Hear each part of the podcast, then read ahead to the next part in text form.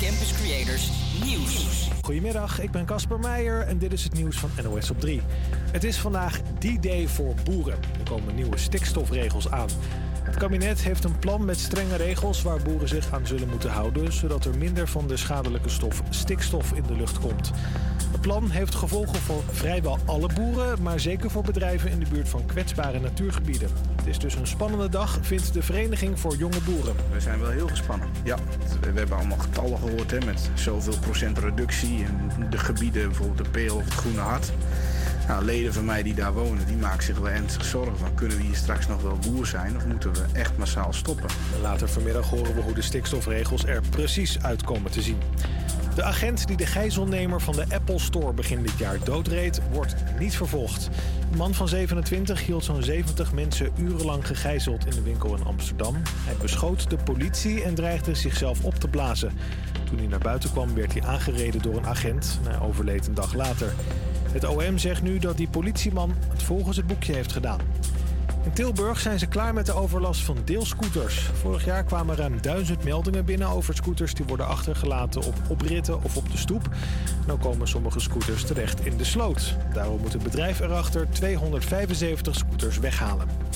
Een sportfeestje in Engeland. Daar zijn gisteravond de PFA Awards uitgereikt. Dat zijn de prijzen voor de beste voetballer en team van het jaar in de Premier League.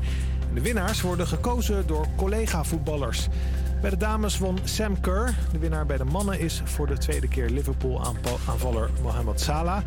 Hij is erg blij met de prijs, juist ook omdat hij van zijn collega's komt. This one is a really good one to win, to be fair, uh, especially because it's voted by players. So it shows you that you really worked really hard and you, you get what you work for. Er waren ook nog uh, twee Nederlandse tintjes. Bij de mannen werd Liverpool team van het jaar met onze Virgil van Dijk. En bij de dames kreeg Arsenal die prijs en daar speelt onze Vivian Miedema. Nog het weer. Een grijze dag met ook af en toe wat regen, maar grotendeels droog. In de loop van de dag ook nog af en toe zon. En het wordt 19 tot 23 graden. De week uit in Zuid. Een hele goede middag. Leuk dat je luistert naar de Week uit in Zuid. En tot onze spijt is dit alweer de allerlaatste uitzending. Ja, de laatste helaas inderdaad. We hebben weer een volle uitzending voor je klaarstaan. Veel gezelligheid, maar ook serieuze interviews. Van alles wat dus, maar nu eerst muziek. Dit is Willy William met trompetta.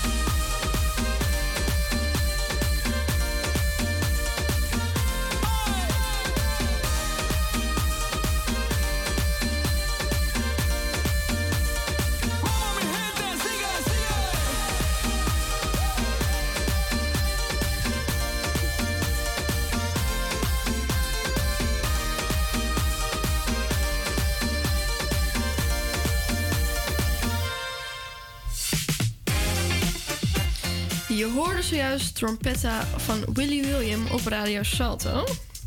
Het is weer vrijdagmiddag en dat betekent dat je de komende twee uur luistert naar de week uit in Zuid. De laatste paar uurtjes van je werkweek gaan in en daar slepen wij je doorheen. Dat doen we zoals je van ons gewend bent, met leuke interviews, nieuwtjes uit Amsterdam Zuid, natuurlijk wat muziek. Maar ja, dat alles wel voor de allerlaatste keer vandaag. Ja, gek dat dit gewoon onze allerlaatste uitzending is.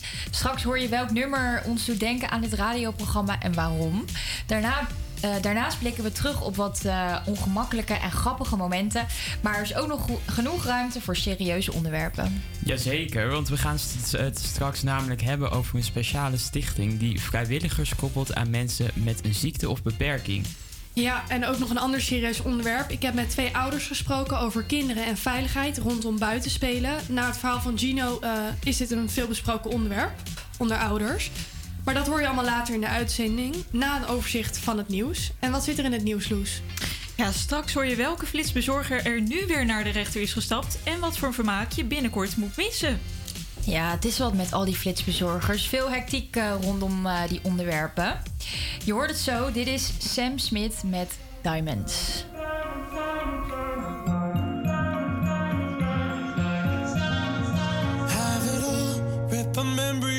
The.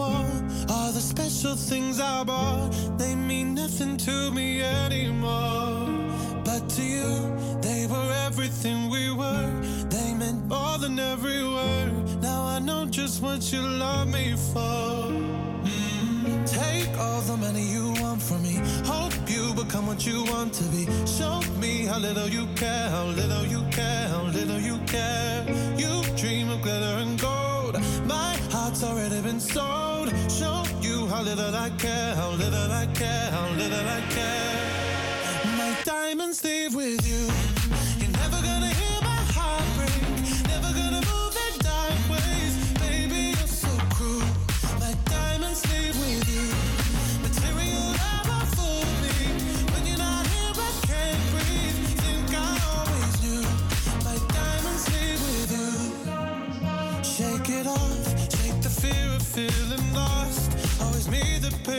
cost. I should never trust so easily.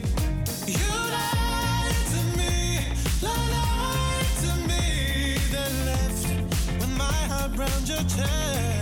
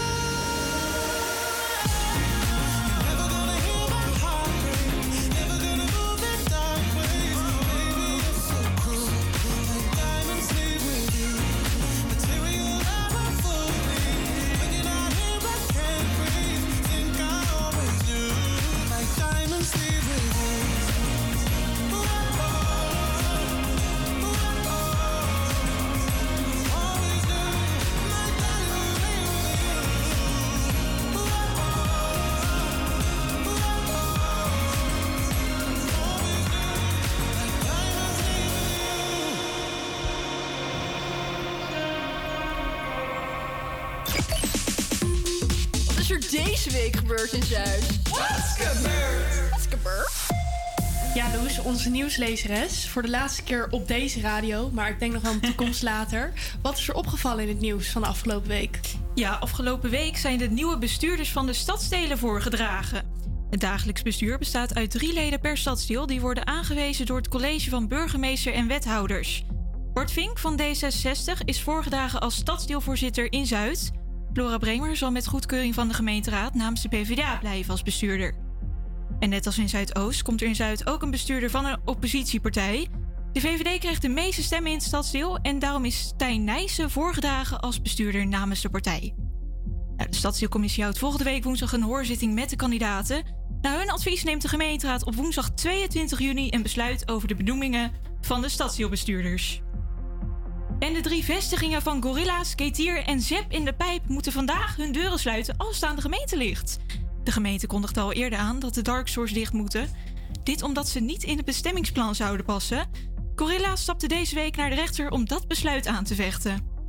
Ja, de drie flitsbezorgers zijn in de afgelopen weken dus niet ingeslaagd om de gemeente op andere gedachten te brengen. En dat ondanks de meerdere maatregelen die ze in de tussentijd hebben genomen. Zo kwam er een gedragscode waarmee ze conflicten met gemeenten en omwonenden van hun filialen willen voorkomen. En daarnaast besloot Gorilla's om zijn vestigingen een uur eerder te sluiten om overlast in de late uren te verminderen. Ja, en dat niet alleen. Nee, zelfs de belofte om boodschappen binnen 10 minuten te bezorgen werd losgelaten. Ja, het lijkt, wel, eh, het lijkt er wel op alsof de flitsbezorgers hun best doen om tot een compromis te komen. Ja, daar lijkt het wel op dat ze toch een beetje water bij de wijn willen doen. Maar eh, daar trekt de gemeente zich dus eigenlijk niks van aan. Sluiten ze niet vandaag, dan krijgen ze ook een dwangsom van 20.000 euro opgelegd. En eh, ja, daarom is Gorilla's nu dus ook naar de rechter gestapt. En die andere twee flitsbezorgers, dus uh, en Zep, zijn die ook naar de rechter gestapt? Nee, voor zover eh, bekend niet. Daar hadden ze ook tot eh, vandaag de tijd voor. Ketier liet eerder deze week nog in het midden of ze naar de rechter zouden stappen. En ja, Zep gaf toen aan de gemeente te vragen om dat besluit te herzien. Maar ja, dat is denk ik een onbegonnen zaak. Oké. Ja, en dan nog een minder leuk nieuwtje. En misschien dat je het inmiddels wel hebt meegekregen, maar het radioprogramma De Week uit in Zuid gaat ermee stoppen. De vijf HVA-studenten achter, achter het programma hebben hun studiepunten binnen en zijn toe aan een nieuwe uitdaging, zo klinkt het. De Week uit in Zuid was sinds maart elke vrijdag te horen op Radio Salto. In het programma werd onder meer het nieuws uit Amsterdam-Zuid besproken. En dat nieuws lezen, dat ging niet altijd even goed. Dat is een van de conclusies van het European Monitoring Center for Drugs and Drug Addiction. Jeetje, hele mond vol. Ook voor crack, een, een rookbare variant voor cocaïne, voert de stad samen met Antwerpen de lijst aan. Wat betreft cannabis in het riool een tweede plek. Voor, voor cocaïne staat Amsterdam op de derde plaats. Bewoners, ondernemers en maatschappelijke organisaties van de wijk Buitenveld het Oost kunnen bij Stadsdeel Zuid ideeën indienen voor hun buurt. De gemeente stelt 100.000 euro beschikbaar om een aantal van deze ideeën uit te voeren. In april 2021 nam de gemeenteraad het krediet, krediet, kredietbesluit, moeilijk woord. En in juli vorig jaar startte het proces van aanbesteding. Ja, de komst van de bibliotheek sloot naadloos aan bij de ambitie om van Zuidas levendige, levendig en gemeende wijk voor alle Amsterdammers. Het is moeilijk. Ik ga... Bijna weekend, Loes. Je Bijna bent er aan toe. weekend. Ik ga ook even staan, want ik sta helemaal niet goed voor die microfoon. Na afloop van het duel kwamen meerdere klachten binnen bij de bond, van zowel AH als Pinoquet. Eén daarvan had te maken met racistische uitspraken van spelers. Ja, mijn internet is weg. Oh nee! Oh, en toen viel het allemaal uit? Ja, zo zie je maar. Het zijn net mensen, hè, wat we nu horen. Of nou ja, studenten. Ja, maar dat werkt dus blijkbaar wel. Want wat ik begrepen heb, heeft het programma een trouwe fanbase. Ja, zeker. Dat klopt. eh, zeker. Ja, neem nu bijvoorbeeld Carly. Die vindt het erg jammer dat het programma ermee stopt. Vooral de afwisseling van onderwerpen was voor haar een reden om elke week te luisteren. Zo zegt ze: Ik vond het hele interessante interviews. Vaak hele goede interviews ook. Met mensen die kwamen vertellen over de buurt. Ja, en ook Sandra die is teleurgesteld dat het programma vanaf volgende week niet meer horen is op de radio. Jammer dat ik het programma pas zo laat heb ontdekt. Ik heb namelijk erg genoten van de afgelopen twee weken. Nou, of het befaamde radiogroepje in de toekomst terugkeert op de radio is niet bekend. Maar ja, dat ze gemist gaan worden, dat lijkt toch wel een eh, ding dat zeker is. Ja, en toch jammer dat zulk talent er dan mee gaat stoppen, hè? Ja, zeker. Maar ik zou graag tegen Carly willen zeggen: blijf vooral luisteren, want er komt zo meteen nog een heel interessant interview aan met Stichting Mentorschap. Straks hoor je hoe zij bijdragen aan betere zorg voor iedereen. Maar nu eerst Rondé met Love Myself.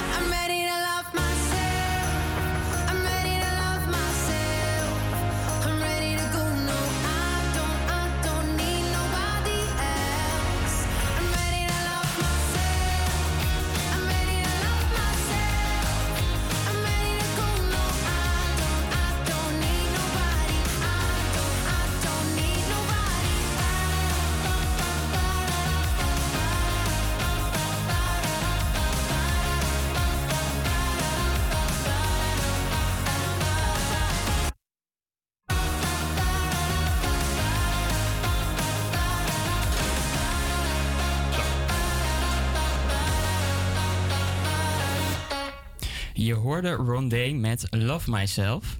Ja, onze zorg is er op zijn zacht gezegd niet goed aan toe. Dankzij de vergrijzing daalt het aantal werkenden in de formele zorg, waardoor steeds meer taken terechtkomen bij de informele zorg. Volgens de Raad Volksgezondheid en Samenleving moet er een betere structurering van formele en informele zorg komen voor het welzijn en gezondheid van patiënten. Stichting Mentorschap Amsterdam kan hier zomaar de sleutel bij zijn. De organisatie koppelt mensen met een ziekte of beperking aan een vrijwillige mentor die kan helpen bij het faciliteren van de juiste zorg. Bij ons in de studio Ineke van der Wolf, coördinator, en Louis Genet, mentor en vrijwilliger bij Stichting Mentorschap Amsterdam. Nou, beide hartstikke bedankt dat jullie eh, in de studio zijn. Eh, Ineke, ik vertelde net in het intro al dat Stichting Mentorschap helpt bij het maken van lastige beslissingen. Aan wat voor beslissingen moet ik dan denken? Nou, een mentor is wettelijk vertegenwoordiger van een cliënt. Wat je al zei, met een beperking. Maar wat ook belangrijk is, dat dat de cliënt geen netwerk heeft die hem of haar kan helpen bij die beslissingen. Eh, de, de wettelijke mentor helpt de cliënt eh, samen met het nemen van beslissingen. Is de woonplek waar hij of zij woont nog passend? Is de zorg passend op eh, de zorgvraag? Maar als de cliënt dat ook niet meer kan, neemt de mentor beslissingen als het gaat om opname IC, vaccinaties, nou een heleboel zaken meer. De mentor gaat niet over de materiële kant. Dat zijn de bewindvoerders. Maar het zijn best wel, ehm, ja, lijkt me heftige beslissingen om te nemen. Terwijl een mentor natuurlijk in principe een volstrekt vreemde is van de cliënt. Waarom denk je dat dat juist zo goed werkt? Dat het zeg maar echt een vreemd, vreemde van elkaar zijn? Nou, wij werken eh, met eh, vrijwillige mentoren die wij opleiden. En wij geloven erin dat eh, deze vrijwilligers besteden ongeveer 100 uur per jaar aan een cliënt. Dat eh, door drie wekelijks contact met de cliënt, dat zij samen een vertrouwensband opbouwen. En vanuit die vertrouwensband kijken van wat zijn nu de zorgbelangen en wat gaat er goed en wat gaat er minder goed. Ja, dus op een gegeven moment dan leren ze elkaar beter kennen en dan is die band daar waardoor ze juist beter die beslissingen kunnen maken. Ja, en wij proberen zo lang mogelijk de cliënt erbij te betrekken. Vandaar ook dat die hoeveelheid uren, die kunnen we ook inzetten. Omdat we met eh, ervaren vrijwilligers en ervaren omdat ze eh, in het verleden in de zorg hebben gewerkt of op posities hebben gezeten, zoals Louis, die, die- zodat je flink kan doorpakken. Ja, en Louis, jij bent dus zelf mentor. Ehm, Merk je dat ook met de cliënt die jij nu bijvoorbeeld hebt? Dat jullie echt zeg maar die vertrouwensband hebben waardoor je ook goede keuzes kan maken? Ja, die vertrouwensband is de eerste opdracht voor een mentor. Die moet je ook opbouwen met je cliënt. En dat betekent ook, doet de stichting help je daarbij ook. eh, want eh, in een introductie eh, eh, krijg je natuurlijk een heleboel informatie al aangereikt. Maar de eerste maanden eh, ben je als mentor vooral bezig eh, te kijken van een aantal gesprekken te voeren met je cliënten vanzelfsprekend. Maar ook eh, welke zorg eh, is potentieel nodig, welke risico's dreigen er op het gebied van veiligheid, gezondheid. Eh, je gaat jezelf als mentor ook een beetje kijken van hoe kan ik dat oplossen? En ik denk ja, ik denk voor mij is altijd het belangrijkste, waarom zou een mens mentor willen worden? Nou, dat wil je natuurlijk in eerste instantie omdat je elkaar wilt helpen, niet waar? Hè? Zoals Ja. alleen jongen waren altijd al vroeger. Dat wil je allemaal, maar als mentor wordt ook ja, iets specifieks van jou gevraagd. Je moet het leuk vinden om iemand te helpen om problemen op te lossen. En je moet een bepaald verantwoordelijkheidsgevoel hebben. Je moet niet het misverstand hebben dat je alles zelf moet doen. Nee, want je hebt heel veel zorginstanties die natuurlijk op een gegeven moment ook helpen. En de artsen, huisarts tot ziekenhuis, heb je allemaal mee van doen. Zoals in mijn cliënt, die heb ik al zo'n vijf, zes jaar onder mijn hoede. Ja, dan heb je natuurlijk toch wel eh, een, eh, ja, een hele sterke band ontwikkeld. Alhoewel je ook natuurlijk relatief zakelijk blijft, want je moet het handel houden. Een hele grote fout die je mentor kan maken is alles zelf gaan doen. Dat moet je natuurlijk weer niet doen. Je moet helpen de knopen door te hakken die iemand met een verstandelijke beperking niet of nauwelijks kan nemen. Daar gaat het op. Ja, en kun je eens een voorbeeld geven van dan zo'n situatie die je met een cliënt hebt gehad? Nou ja, eh, eh, heel eh, belangrijk is, en er, echt, er zijn heel veel voorbeelden te geven, maar vaak ook bijvoorbeeld, er zou een niertransplantatie nodig zijn. Of in mijn geval, concreet heb ik zelf meegemaakt dat bij mijn cliënt een niersteentjes weggehaald moesten worden. Nou, dan ga je mee naar het ziekenhuis. Ik spreek natuurlijk ook even met de artsen van hoe pijnlijk, hoe moeilijk, hoe ingewikkeld is dat. Nou, en je gaat naar het ziekenhuis en dat vind ik dan heel belangrijk. Want mentor zijn is dus ook heel interessant en heel leuk, kan dat zijn. Want mijn cliënt, wat gebeurde er? De eerste poging mislukte om een steentje weg te halen. Hè. Dan, dat allemaal, is heel mooi, verfijnd materiaal. Eh, en toen zei de arts, shit. Het was een vrouwelijke arts. Eh, vervelend. Ehm, en die haalde er een andere arts bij. Toen lukte het wel. En toen zei mijn cliënt weer, die heel slecht kan spreken. eh, die heeft eh, ook eh, door zijn MS, hij heeft multiple sclerose, kan hij zich slecht uit. Maar die had toen even heel pijn. Toen zei hij, kut. Ben je zo van, en iedereen in die, opera- bij- bij die operatie schoot natuurlijk in de lach. Dus het zijn ook heel leuke dingen. Dus, en dat, dat vind ik dus ook heel erg belangrijk als mentor. Heel, je komt allemaal in je leven bij familie, vrienden of jezelf in situaties terecht. Je leert ook heel veel als mentor. Ja, dat kan ik me voorstellen. Maar om die objectieve pet op te houden, dat lijkt me dan wel soms in sommige gevallen wel lastig. Want zo'n verhaal van die nierstenen, het lijkt me toch ook wel heftig om dat dan van zo mee te maken. Dat valt, dat valt toch allemaal mee, eh, moet ik heel eerlijk zeggen. Nee, het is erg belangrijk dat je je verantwoordelijkheid invult. Want je, eh, de cliënt vindt vaak het moeilijkst. Ja, wat moet ik doen? Eh, loop ik risico? Eh, eh, gaat het goed? Eh, nou, daar kan je als mentor een geweldige steun en toeverlaat voor zo iemand zijn. En Ineke, waar ligt nou precies de grens bij een mentor? Wat mag een mentor nou wel en niet doen? Nou, een mentor kan eh, op het gebied van beslissingen nemen, eh, kan hij of zij heel veel doen. Eh, er is niet echt een grens. Wat Louis ook zei, het is niet de bedoeling dat je de haren uit het doucheputje gaat halen, want daar is de zorg voor. Maar je laveert iedere keer afhankelijk van de, van de situatie. En ehm, ja, je, je zult soms ook dingen eh, tegenkomen die, die buiten jouw vermogen liggen. En zeker als het gaat om bijvoorbeeld eh, drang en dwang in de GGZ. Daar is een wet voor. Daarop mag een mentor niet acteren. Die kan de cliënt wel voorbereiden dat er eh, een maatregel aankomt omdat het beter is voor de cliënt. En dat er dan sprake is van dwangmedicatie. Daar kan de mentor ook in begeleiden en de cliënt voorlichten van waarom en het hoe. Maar op het gebied van eh, drang en dwang van de GGZ kan de mentor niks. Nee. En jullie zijn toevallig nu ook op zoek naar nieuwe vrijwilligers, toch? Ja. Ja. Ik, eh, kijk, het, in het hele vrijwilligersland is vrijwillig mentor zijn wel een hele specifieke taak. Omdat je door ons wordt gemandateerd als wettelijk vertegenwoordiger. Dus je hebt wel degelijk wat verantwoordelijke taken. En wij zoeken, wij zijn heel hard op zoek naar eh, jonge en oude mentoren. Met name ook jonge mentoren. Er worden steeds meer jongeren ook aangemeld bij ons. Om eh, eh, de wet op de PGB is aangescherpt. En dat een mentor ook kijkt van welke zorg wordt ingekocht en is die kwalitatief goed.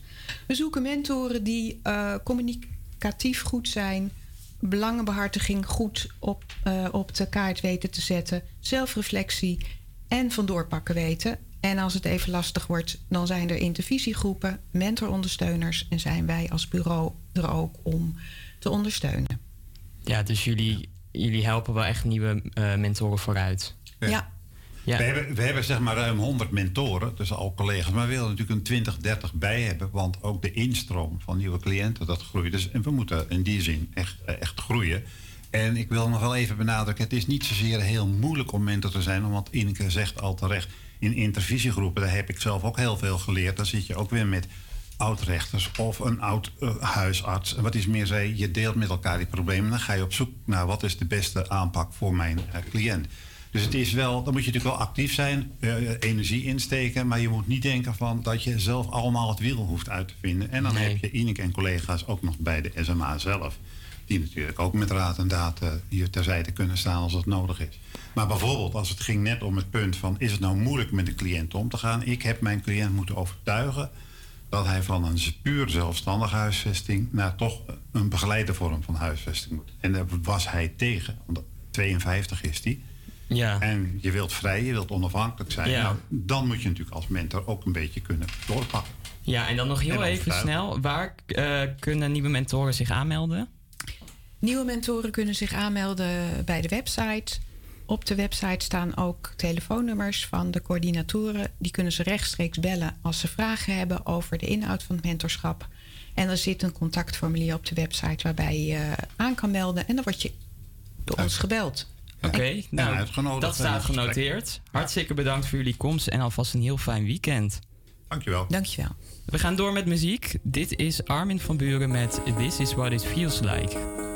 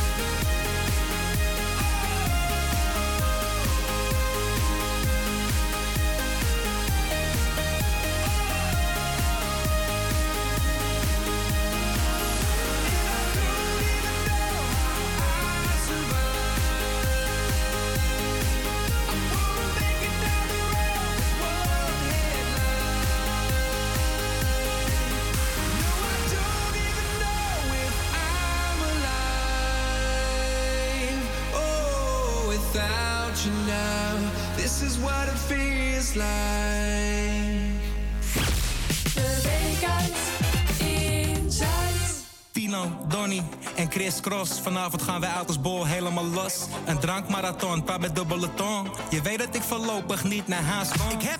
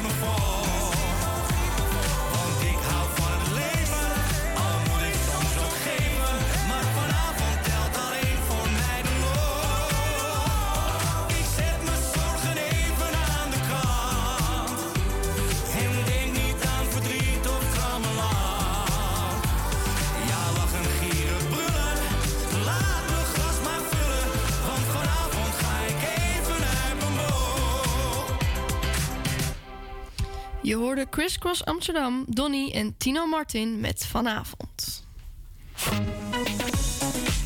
In het tv-programma Hazes is de basis werden oude André Hazes klassiekers tot nieuwe versies gemaakt. Op 26 maart werd er als uitsmijter een samenwerking tussen Donny en Tino Martin tot stand gebracht. Met behulp van Chris Cross Amsterdam hebben zij de klassieker Uit mijn bol omgetoverd tot de track die je zojuist hoorde. Vanavond dus. Chris Cross Amsterdam bouwt altijd een gezellig feestje op het podium. Maar als je ze wil uitnodigen op je vijfje, zou je toch heel diep in de buidel moeten tasten. Het drietal weet namelijk een behoorlijke prijs te vragen voor hun optredens. Ik zie dat er gesjoemeld is in ons draaiboek en mijn hele tekst klopt niet meer. Maar goed, in ieder geval, hun eh, optredens, daar vragen ze een eh, richtprijs voor van eh 22.500 euro. Ja, en er komt dan ook nog het een en ander bij. Dus dan eh, heb je maar een uurtje muziek voor zo'n eh, belachelijk prijsje. Ik vind het bizar wat ze tegenwoordig eh, kunnen vragen, die artiesten. Ik heb afgelopen zondag Chris Cross nog live gezien op een festival. En dat was top. Maar voor dit bedrag sla ik het toch even over. Ja, als ik een goede stem had, dan zou ik het wel weten. Maar ja, daar kunnen we het allemaal wel over eens zijn. Die heb ik niet. We gaan verder met muziek. Dit is Purple Disco Machine met In the Dark.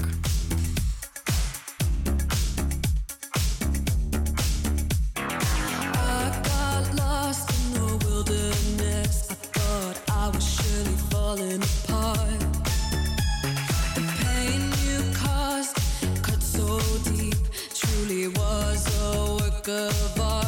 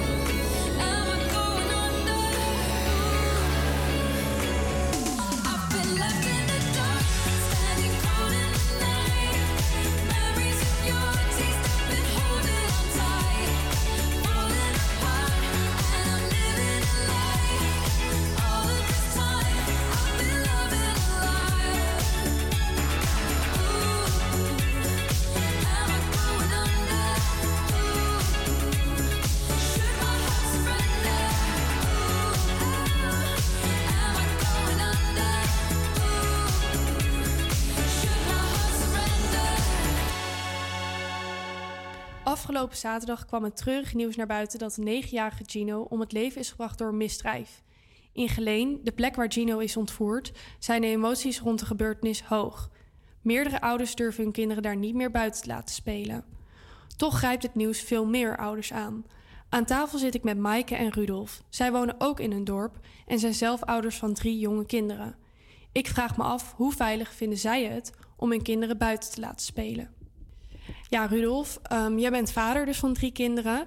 Ik eh, vroeg me af, wat ging er door je heen toen je het nieuws hoorde over Gino? Ehm, ja, huiveringwekkend eh, natuurlijk. Ehm, ja, je hoopt dat toen je dat nieuws eh, hoorde dat hij, eh, dat hij nog gevonden wordt. Ehm, ja, en als dan dat nieuws binnenkomt dat hij echt eh, is overleden, dat is natuurlijk vreselijk als, eh, als ouder. En komt het nieuws dan ook anders aan als je zelf kinderen hebt, Maaike?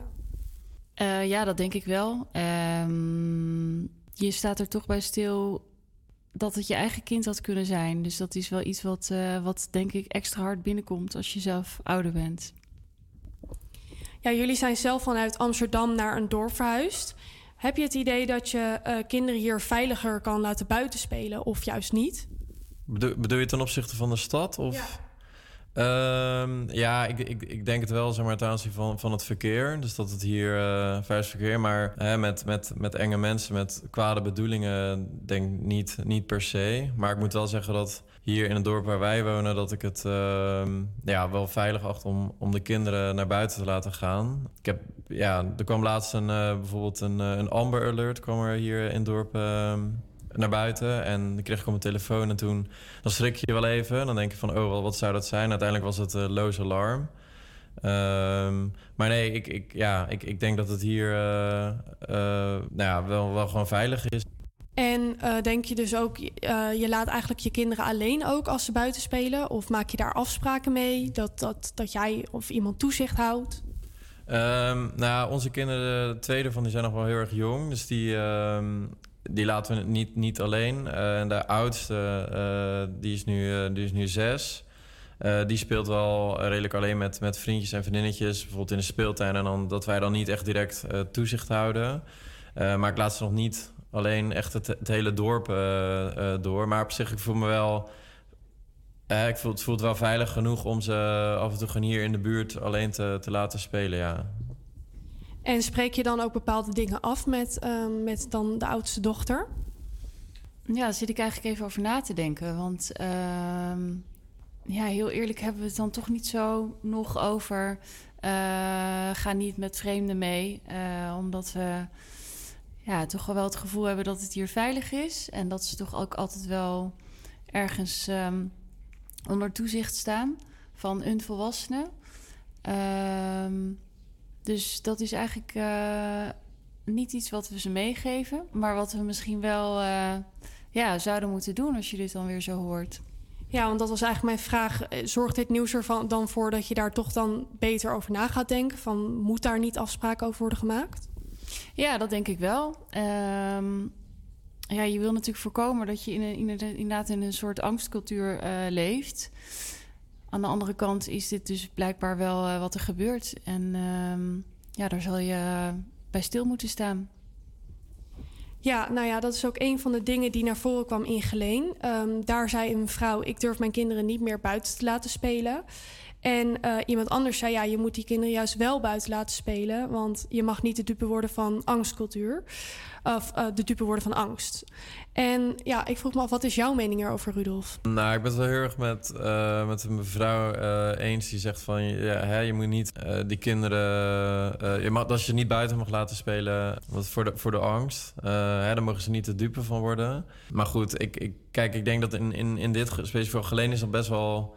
Hè, relatief ook, ook, ook een eind eh, weg. Eh, en ik denk dat als zoiets ook hier in het dorp zoiets zou gebeuren... dan, ja, dan schrik je daar natuurlijk enorm van. Dus kan ik begrijpen dat de eerste schrikreactie is van... ik hou mijn kind binnen. Ehm, maar goed, dat, ik, ehm, ja, ik, ik denk, eh, zoals Michael zei... je moet er gewoon bij, bij stilstaan en... afspraken maken met je kind van ja, je mag nooit met een vreemde meegaan. Maar ja, als ze zo klein zijn, ze kunnen bij spreken gewoon worden, worden ontvoerd. Daar doe je natuurlijk eh, niks tegen. Maar ik denk niet dat dat een reden moet zijn om, om ze nooit buiten te laten spelen. Ik bedoel, dat zou natuurlijk. eh dat creëert echt een angstcultuur. Dat is ook niet goed voor die kinderen, ook later niet. Ja, iemand anders in Geleen die zegt... we moeten gewoon meer toezicht houden als de kinderen buiten spelen. We moeten aan de deur gaan staan en kijken of er niks gebeurt. Ja, vind jij dat meer ehm, toezicht houden de oplossing is, Maaike? Goed, dat vind ik wel een eh, lastige vraag. Ik eh, kan me voorstellen dat dat eh, uit een soort angst wordt bedacht eh, bij ouders onderling. Maar ik vraag me af of je daarmee nou echt een goed beeld neerzet, ook voor je kinderen, als je elkaar alleen maar in de gaten aan het houden bent. Dus ik denk niet dat dat helemaal de oplossing is op lange termijn. En ehm, je hoort nu ook steeds meer over camera's. Ehm, ja, camera's bij de speeltuinen neerzetten. Ehm, ja, wat vind jij daarvan, Rudolf? Ja, ik denk dat dat ook niet eh, de oplossing is. Je wilt toch gewoon dat je kinderen eh, vrij zijn. En misschien hè, zouden camera's kunnen helpen om, om de ouders wat meer vrij te kunnen laten zijn. Dat, eh, dat, dat ze er beter gevoel bij hebben. Maar uiteindelijk denk ik op lange termijn dat je veel meer geld moet investeren in, in, in de GGZ. In, eh, in ons rechtssysteem en zorgen dat, ehm, dat dit soort ja, misdadigers, zo kun je het wel noemen, criminelen, dat, dat die dit niet meer kunnen doen. En ik denk dat dat een betere. Want dat is dus eigenlijk de oplossing, als ik het zo goed begrijp. Jij denkt dat, dat, eh, dat dit, dit, soort problemen kunnen worden voorkomen daardoor. Nou ja, of het helemaal voorkomen kan worden, dat, dat, dat denk ik niet. Maar ik denk dat, eh, hè, omdat in, in dit geval wat er gebeurd is met Gino... dat dat iemand was die, eh, die al veroordeeld was. Ehm, en waarvan ik me afvraag hoe het godsnaam mogelijk is... dat hij zo snel weer is vrijgekomen. Ehm, kijk, je zal het nooit helemaal kunnen voorkomen... maar ik denk dat, eh, dat een aantal gevallen wel, ja. Jullie delen, als ik het goed begrijp, redelijk dezelfde mening. Het woord veilig dorp heb ik een aantal keer voorbij horen komen. Is er wel iets op eh, dit gebied dat je je kinderen meegeeft?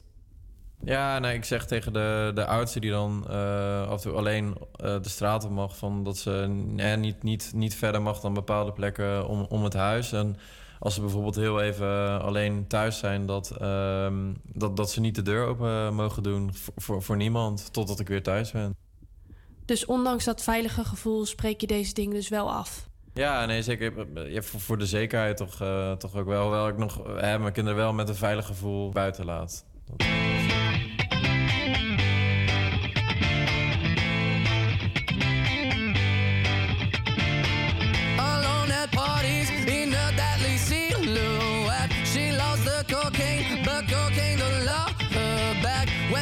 Upset, she talks to Maury and takes deep breaths. She's a 90s supermodel.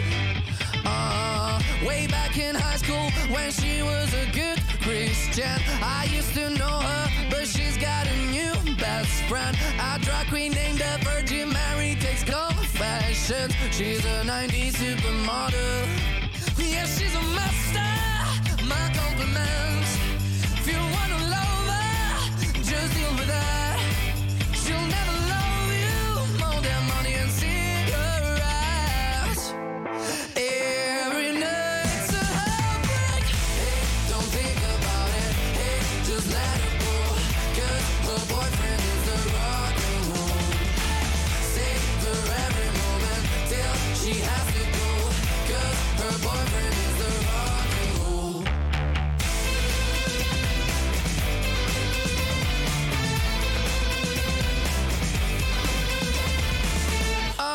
At parties. She's working around the clock when you're not looking. She's stealing your bossy out. Low waisted pants on OnlyFans. I'd pay for that. She's a 90s supermodel. Yeah, she's a master. My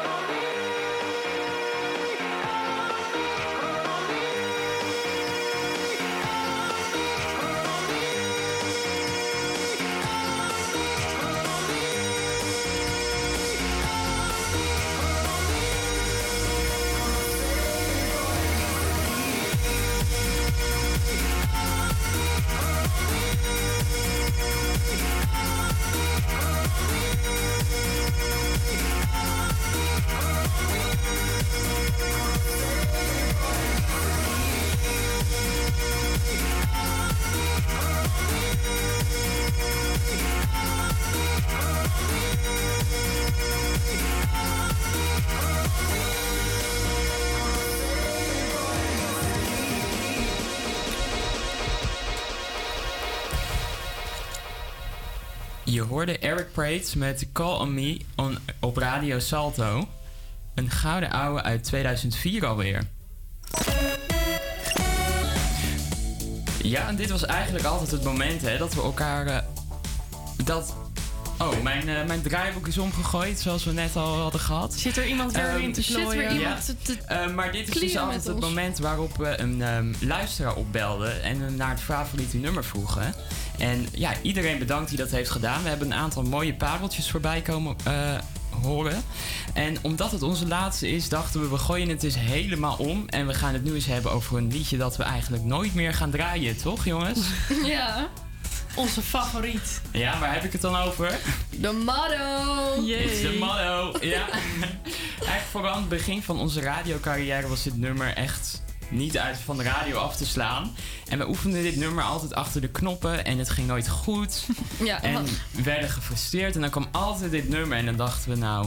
Ja, het, is weer. weer zover. het gaat weer mis. Techniekles en dan kwam die weer hoor. Stond er weer een draaiboekje klaar met de motto. Ja, dan weet je het. Maar ehm, jongens, zullen we hem nou gewoon eh, een keer draaien? Oh. Gewoon nog één keer en eh, dan Voor de nooit laatste meer. keer. Daar ik vind hebben Om dat het af te leren. Zeker. Hoort er toch een beetje bij, hè?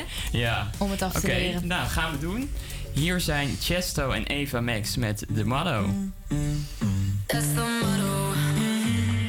Throw back with no chaser, with no trouble.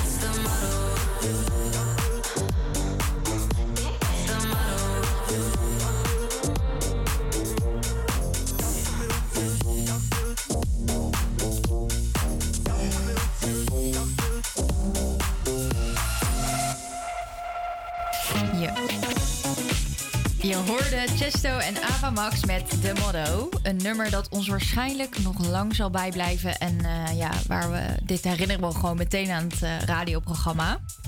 En daarmee zijn we weer aan het einde van dit uur gekomen. Maar nog niet aan het einde van de show. Nee, je gaat nog geen afstand van ons nemen. Dat doen we gelukkig pas over een uurtje. Ja, want zometeen na het nieuws zijn we weer bij je terug. Dan gaan we het hebben over goede buren. Ben jij een beetje een goede buur, Lisa? Ja, ik denk het wel. Oké. ik doe nou. wel mijn best voor mijn buren. Oké, nou helemaal goed. Dus, eh, En jij? Nou ja, ik ben niet echt eh, iemand die een bakje bij iemand gaat doen. Maar eh, dat zou ik misschien wel eens meer mogen doen. Ja, wie Gaan weet. we vanaf nu doen. Top. nou, je hoort het zo. Nu eerst Direct, ik hoor mezelf niet meer. Jawel, je bent nog te horen, Loes. Met hun nieuwste single, een nummer dat bij mij nu constant op repeat staat. Ik vind het echt een heerlijk nummer. Maar goed, ik vind eigenlijk alles wat deze band doet te gek. Dit is...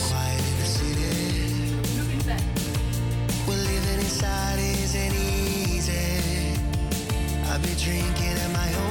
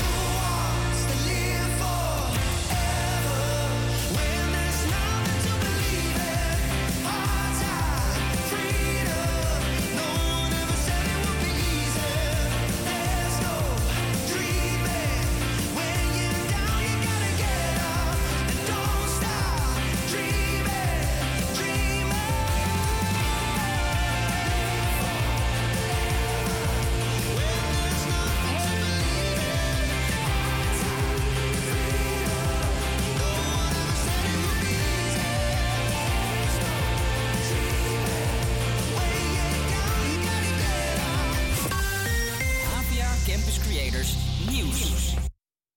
Casper Meijer en dit is het nieuws van NOS op 3. Het kabinet hakt op dit moment de stikstofknoop door. De stikstofuitstoot moet flink omlaag en er worden nu plannen voor gemaakt. Vooral voor boeren in bepaalde delen van het land zal dit grote gevolgen hebben. Ze moeten misschien wel stoppen met hun bedrijf.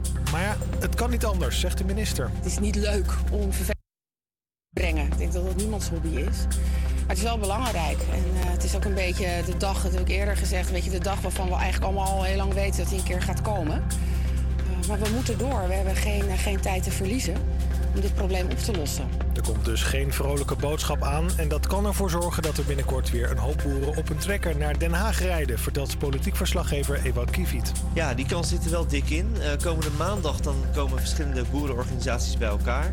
Dus in Den Haag wordt inderdaad wel een, eh, een hete maand verwacht met heel veel demonstrerende boeren. Later vanmiddag horen we hoe de stikstofregels er precies uitkomen te zien.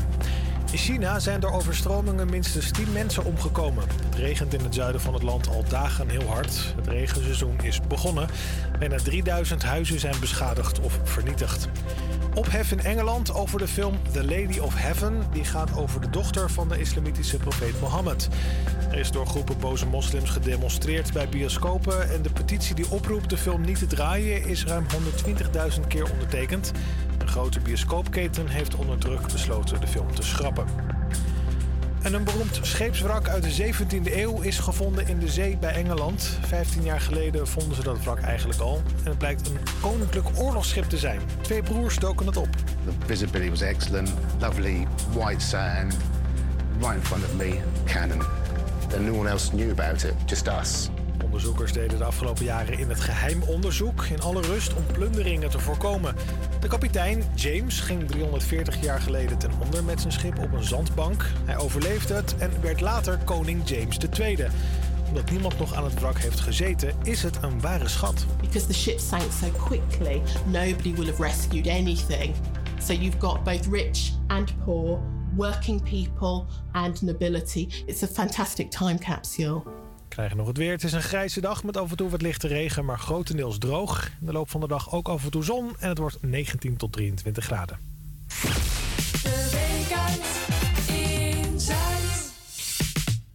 Een hele goede middag en leuk dat je luistert naar de Week uit in Zuid.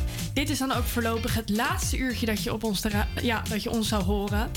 Uh, maar ik heb zo'n idee dat wat mensen later hun baan ervan gaan maken. En we hebben al één iemand die een eh, start heeft gemaakt. Dat is Sam. Die gaat stage lopen bij Gijs Staverman op Radio 2.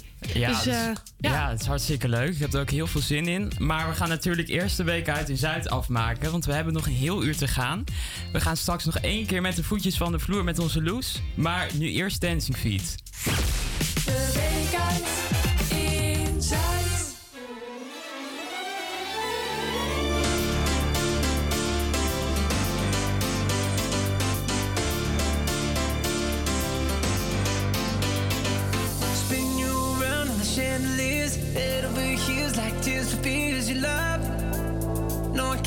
enough.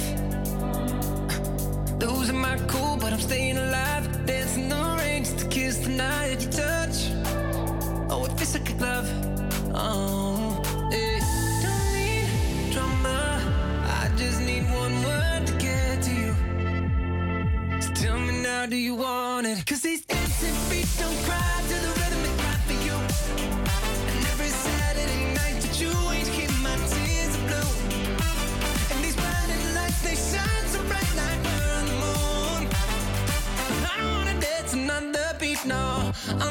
with.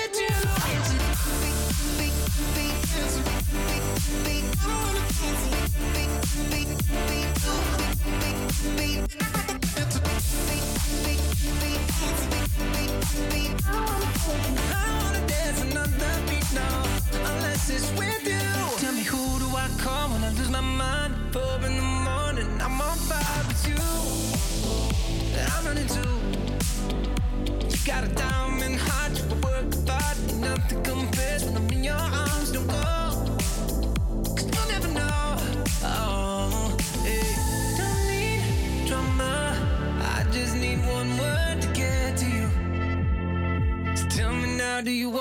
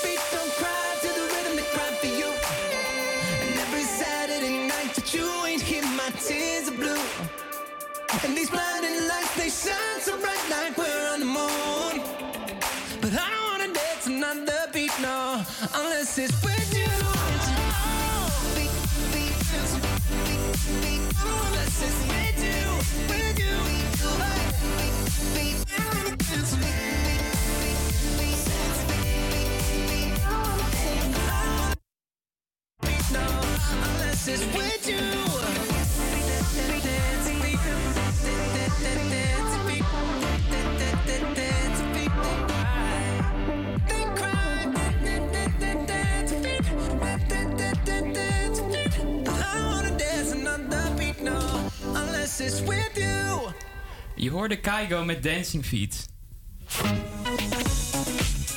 Ja, die voetjes die mogen ook hier in de studio, bij jou thuis, op je werk of waar je ook bent, van de vloer. Want het zou je vast niet ontgaan zijn. Eh, het is onze laatste, onze laatste uur is ingegaan. Dus we maken er een extra gezellig feestje van deze laatste keer. Toch wel gek hè Loes, dat het er gewoon op zit. Ja, ik hoop eigenlijk ook dat ik het een beetje droog ga houden, deze uitzending. Want ik merk toch eh, wel dat ik er een beetje emo Ja, eh, van word. Ja. Maar ja, wat in ieder geval wel droog blijft, is het weer dit weekend. Na een week met veel regen kan het een, eh, kan het een, eh, belooft het een zonnig weekend te worden. Dus iets om naar uit te kijken. Maar ook iets om naar uit te kijken is natuurlijk de quiz. Ja, in de quiz gooien we dit keer helemaal over een andere boeg. Je zou kunnen zeggen een speciale editie. En ehm, ik denk dat ik het daar nu even bij laat. Ja, en we hebben natuurlijk tijdens het maken van onze shows ook wel kunnen lachen. Soms op het moment zelf, soms achteraf. En ja, eh, iets met bananen, Britney? Ja, bananen. Daar hebben we zeker wat mee meegemaakt. Maar goed, dat, eh, dat horen ze straks. We hebben het na dit nummer over het fenomeen de goede buur. Want zijn die er wel in Amsterdam? Je hoort het zo. Maar nu eerst muziek. Dit is Fleming met Automatisch. Ik kan er niks aan doen, het gebeurt gewoon. Ik hou het niet tegen, ik ben machteloos. Ja, je kijkt me aan, ziet mijn Nike's gaan. Het is al te laat, mijn voet begint te shaken. Alles gaat bewegen, voordat ik het weet voel ik de lampen op mij. Ineens pak ik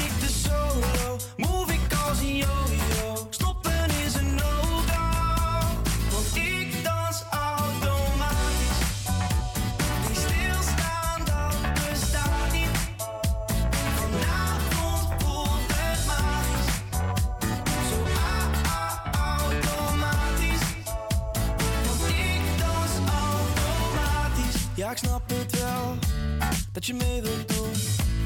Stiekem aan het tikken met je linkervoet. Ik kijk je aan, zie je Jordan gaan. Het is al te laat, mijn hand begint te shaken. Alles gaat bewegen, voordat ik het weet voel ik de lampen op mij. Nog steeds heb ik de solo, move ik als een yo-yo.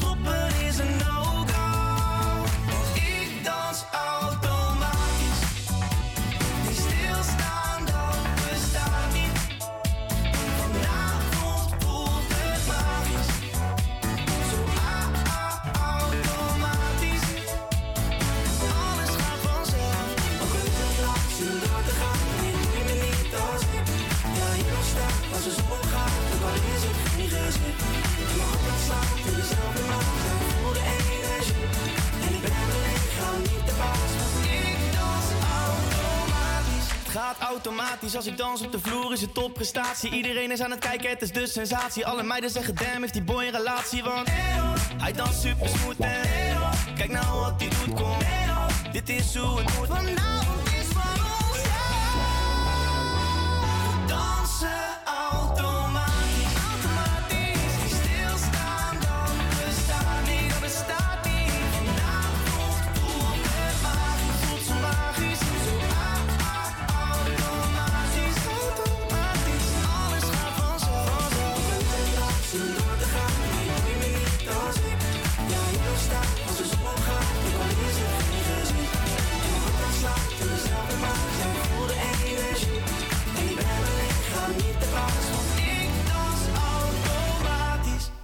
Je hoorde zojuist automatisch van Fleming op Radio Salto. Ja, beter een goede buur dan een verre vriend. Als het aan Burennetwerk Amsterdam ligt, verdient iedereen een goede buur. De organisatie koppelt Amsterdammers die een goede buur willen zijn aan buurtbewoners met een vraag. Geen grote complexe vragen, maar gewoon even een praatje, hulp bij vervoer of een kleine klus die door gebrek aan netwerk of middelen blijft liggen. Zij dromen dan ook van een Amsterdam waar buren elkaar weten te vinden en zetten bereidheid om in actie. Dat doen zij dit jaar al 10 jaar en ondertussen staan er dan ook 1500 goede buren ingeschreven. Bij ons in de studio is een directeur van Burennetwerk, Sandra Bos, en goede buur Geert Westert aangeschoven. Welkom. Dank u wel. Dank je. Ja, om face-to-face om hulp te vragen is voor veel mensen toch best wel lastig. En deze drempel nemen jullie voor de buurtbewoners weg door de ingezonden vragen te koppelen aan een goede buur. Maar waar kijken jullie dan naar als jullie een match maken, Sandra? Oeh, wij kijken naar heel veel dingen. We vragen ook heel veel dingen aan mensen. Dus we hebben zowel een intakegesprek met de goede buur, dus de vrijwilliger, als een uitgebreid intakegesprek met degene die een hulpvraag indient. Om precies te weten van eh, wat is de vraag precies. Eh, zijn mensen allergisch voor honden? Zijn mensen allergisch voor eh, rook? Eh, willen mensen gaan wandelen? Willen mensen naar een museum? Willen mensen hun tuintje opgeknapt hebben? Moeten precies weten waar de interesses liggen. Ehm, en of ze iemand elke twee weken willen zien, één keer in de maand. Nou, noem maar op. En op basis daarvan wordt er op een gegeven moment gematcht. En dan komt er iemand uit zoals Geert. Ja, en ik, eh, Geert, jij bent al zo'n goede buur. En kan je ons misschien vertellen waarom je je hiervoor hebt aangemeld? Een kennis van mij werkte toen de tijd voor eh, Burennetwerk. En eh, die vertelde enthousiast eh, over haar werk. En toen dacht ik, hé, dat is precies wat ik een beetje zoek. Ik zou graag vrijwilligerswerk doen, maar ik was student, leefde vrij individualistisch, had geen contact met mijn buren, wilde ook niet iedere week iets doen. Maar incidenteel wou ik me heel graag inzetten. En toen dacht ik, dit is eigenlijk perfect om in mijn leven toch wat te kunnen betekenen voor mijn buren. Ik kende mijn buren niet, dus dat was voor mij toen de aanleiding om te zeggen: van, Nou, schrijf mij eh, ook maar in. En ik zie dan op de website heel veel verschillende vragen voorbij komen. Het gaat echt van een oud bed bij het grof vuil zetten tot eh, puzzelen, een ritje naar de huisarts, een wandeling. Wat voor soort vragen reageer jij dan vooral? Ja, ik heb in het begin een paar keer in tuintjes gewerkt. Ik ben zelf niet super handig. Eh, dus eh, ik probeer de eenvoudige klusjes te doen. Dus ik heb wel eens IKEA-meubelen in elkaar gezet, tuintjes gedaan, spullen bij het vuilnis gezet, lampjes opgehangen, dat soort dingen. Een beetje breed. eh, Ja. maar, maar toch wel klusjes. Niet echt sociale wandelingetjes, kletspraatjes. eh. Nee, want dat vraagt eh, vaak om continue inzet. En ik ben zelf voor burennetwerk gegaan om juist incidenteel dingen te kunnen doen in mijn Gewoon buurt. wanneer je tijd hebt. Maar wat, wat wel leuk is, is dat je mensen ineens herkent op straat dat je een keer bent geweest. Of dat je achter, de voorko- deur, achter de voordeur komt bij mensen waar je normaal gesproken nooit binnen zou komen. En je ziet daar de andere culturen, andere type leefomstandigheden. Dus het leert je wel heel veel. Ja, leuk, inderdaad. En ehm, waar liggen dan als goede buur voor jou de uitdagingen? Nou, eh, ik heb wel eens klusjes aan- toegewezen gekregen dat ik dacht van nou, ik weet niet of ik daar technisch genoeg voor ben. Dus mijn technische skills, daar zitten vaak de grootste uitdagingen. Eh, en ik ben ook wel eens bij iemand geweest dat je dacht van, maakt hij nu niet gewoon misbruik van burennetwerk? Dat hij hier een aanvraag heeft ingediend, zich wat anders heeft voorgedaan dan die is. En dat ik hier nu een klusje loop te doen, terwijl ze dat prima in haar eigen netwerk zou kunnen oplossen. Maar dan heb je het toch wel gedaan. Toen heb ik het. eh, eh, het was ook de klus te ingewikkeld. Eh, Dus toen heb ik het wel aan het burennetwerk teruggegeven van nou, dit is de situatie die ik aan heb getroffen. Meestal zijn het wel zaken waar, je echt nodig bent. En ik kan me een keer herinneren dat ik ergens ben geweest waar de vraag was om een IKEA-bed uit elkaar te halen. Maar dat je dan volgens ziet dat er een single moeder is met drie kinderen die de volgende dag haar huis eruit moet en niks heeft geregeld. En dan eh, ben je blij dat je ergens binnen bent geweest en dat je dat terug kan geven aan burennetwerk, zodat die andere type hulp kunnen inschakelen. En er zullen ook wel eens eh, vragen voorbij komen waarvan jullie denken: hier kunnen we helemaal niks mee of dit ligt totaal buiten onze macht. Aan wat voor criteria houden jullie bij het filteren van de vragen? Ja, daar zijn we na tien jaar natuurlijk heel bedreven in geworden. Eh, dus degene die de helpdesk en dus de telefoon aannemen, die weten dat precies. Dus we hebben die praktische, sociale en vervoersvragen. Het moet eh, te doen zijn, bijvoorbeeld een tuintje in twee uur. Als mensen echt eh, nou, een woud aan, aan planten hebben en zo, dan, dan sturen we het al vrij snel door. Ehm, dus wat we als criteria houden van nou, dat het in ieder geval één keer in de of binnen twee uur gedaan kan worden. Bij wandelen dat het voldoende is om het één keer in de twee weken te doen. Ehm, en als bijvoorbeeld boodschappen elke week gedaan moeten worden, dan kijken of er meerdere mensen dat kunnen oppakken, zodat we die ene goede buur niet te veel belasten. Ehm, zodra het mensen worden met, ehm, ja, of met verslavingen of eh, te zware vorm van dementie, dan hebben we andere partnerorganisaties in de stad. En dan verwijzen we door. En dan geven we ook gewoon de kennis die wij al op hebben gedaan over de vraag, die geven wij door aan die andere organisatie. En die zorgen dan voor een vrijwilliger. Ja, want dat wilde ik inderdaad eigenlijk vragen. Want als goede buur heb je een soort van signaalfunctie. Want het gebeurt nog wel eens dat, dat een goede buur merkt dat een buurtbewoner bewoner toch meer hulp nodig heeft dan hij of zij kan bieden. En dat moeten zij dan melden bij jullie. En dan gaan jullie daar vervolgens dus mee naar andere instanties. Waar moet ik dan aan denken? Nou, je hebt bijvoorbeeld Regenboog, die doet veel mensen met, eh, met een verslaving. Eh Markant doet veel mensen met, eh, met dementie. Ehm, ja, dus heb je een enorm netwerk. De ene, je hebt ook iets dat die doet dan eh, zeg maar de dierenverzorging. Hè, dat je ergens komt en dan zie je dat het met de persoon wel goed gaat, maar de hond is eh, bij wijze van spreken al heel lang niet uit geweest. Dan heb je daar ook wel weer een initiatief voor. Ik wil Amsterdam barst van de initiatieven op dit gebied. Eh, ja, en we hebben gewoon een hele goede sociale kaart van de hele stad. Dus we weten precies wie we moeten hebben. Ehm, ja, en het is een beetje van wij moeten bekend zijn bij al die partijen en die andere partijen moeten bij ons bekend zijn. Eh, en dan kan je vrij makkelijk kun je, kun je of doorverwijzen of je zegt we pakken het samen op. Hè, wij doen dit stukje, wij gaan wandelen als jullie dan de hond uitlaten. Hè, je kan het ook natuurlijk opsplitsen. En heb jij dan wel zo'n situatie meegemaakt dat je dacht, eh, dit moet ik toch even aangeven? Ja, die situatie die ik net omschreef, dat je ergens binnenkomt waarbij bijna een eh, moeder met kinderen op straat belandt. eh, dat was wel de meest schrijnende waar ik ben geweest. Ehm, en verder eh, heb ik niet veel meegemaakt dat, dat je situaties terechtkomt waar, waar direct andere hulp nodig is. Eh, maar je ziet wel de eh, beperkte sociale omstandigheden waar de meeste me- hulpvragers mee te maken hebben. Weinig netwerk, slechte taal spreken en dan kun je met een klein klusje vaak veel betekenen. En soms is het gesprek eromheen misschien nog wel belangrijker dan het klusje dat je doet. Dat mensen even gezien zijn. En Aandacht krijgen. aandacht is misschien nog wel belangrijker dan het klusje zelf. Ja. En jullie bestaan dit jaar dus eh 10 jaar. En dat wordt dan woensdagavond 15 juni gevierd met een jubileumvijf in de Tolhuistuin. Eten, drinken, dansen en nieuwe mensen ontmoeten staan dan deze avond centraal. Maar is deze avond ook bedoeld voor mensen die bijvoorbeeld nu luisteren en denken: hé, hey, dat lijkt me wel wat? Zeker, want we hebben nog plekken over. En eh, we proberen zoveel mogelijk ja, buren ook te krijgen. Ook onze hulpvragers hebben we uitgenodigd. Goede buren hebben uitgenodigd. Eh, maar als mensen denken van... hé, hey, ik wil wel wat meer weten van Burennetwerk, wees welkom. En je kan het vinden op www.burennetwerk.nl. En je kan een kaartje kopen voor 7,50. En als je zegt, nou, dat is me te veel...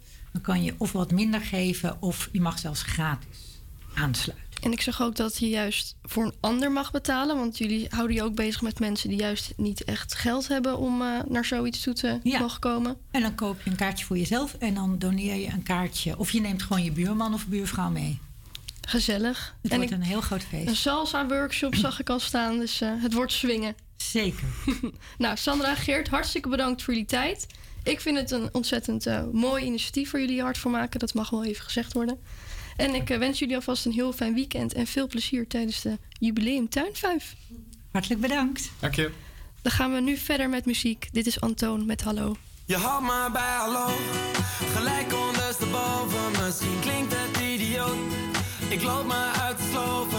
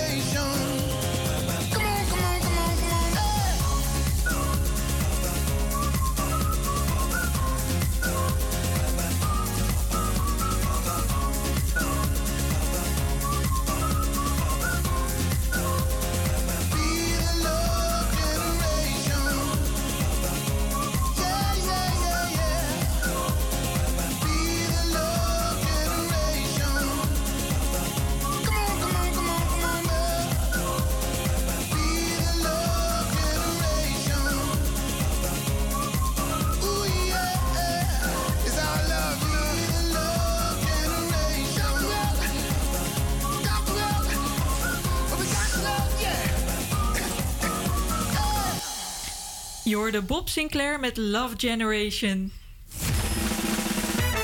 De quiz for you. Ja, de quiz die was al snel niet meer weg te denken uit onze show. En we doen hem nog één keer, maar dan wel in een iets ander jasje. Een special zou je het eigenlijk kunnen noemen. Maar iets dat natuurlijk onveranderd blijft, is onze quizmaster Isabel. Ja, en het is toch wel een apart momentje hoor. Ook het maken van de laatste quizvragen. Ik ben toch wel heel benieuwd of we elkaar nu goed kennen. Want in maart hadden we allemaal geen idee van elkaars bestaan. Dus ehm, het is een hele andere quiz, maar we gaan gewoon beginnen. Vraag 1. Sam, bij het eh, maken en regelen van een uitzending komt natuurlijk een hoop stress kijken. Toch is de een er koeler onder dan de ander. Wie is het grootste stresskipje van deze groep? Ja, eh, dat kan maar één iemand zijn. Hè? Ehm, ja, we gaan het er zo trouwens nog over hebben. Over hoe erg deze meid een stresskip is. Maar het is eh Loes. Loes van Straten. Klopt, dat is Loes. Ja, Loes, een beetje stress, eh, dat houdt een mens wel scherp. En zonder Loes was het rijboek natuurlijk ook nooit zo goed geworden als dat het is.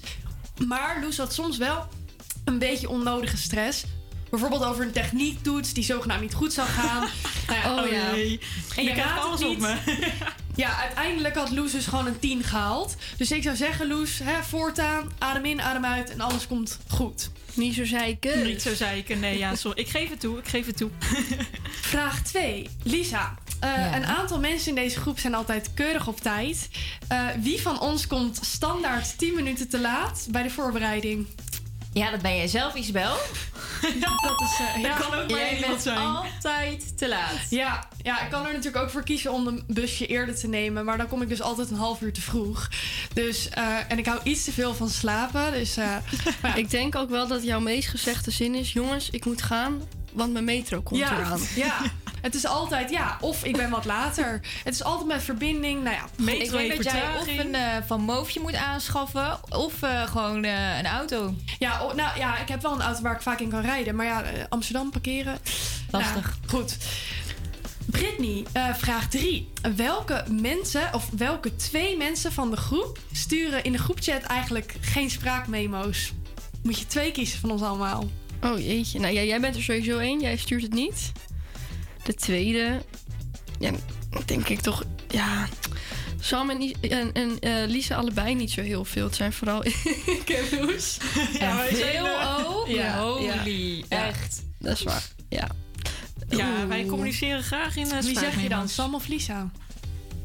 Ah, shit, dat weet ik echt niet hoor. Ga ik de eerste fout Nou, maken? ik weet het wel Ik- hoor. dan Ja, denk ik. Sam. Nee. Nee, nee, nee. nee, Nee, nee. natuurlijk niet. Sam die houdt ook van spraakmemo's hoor.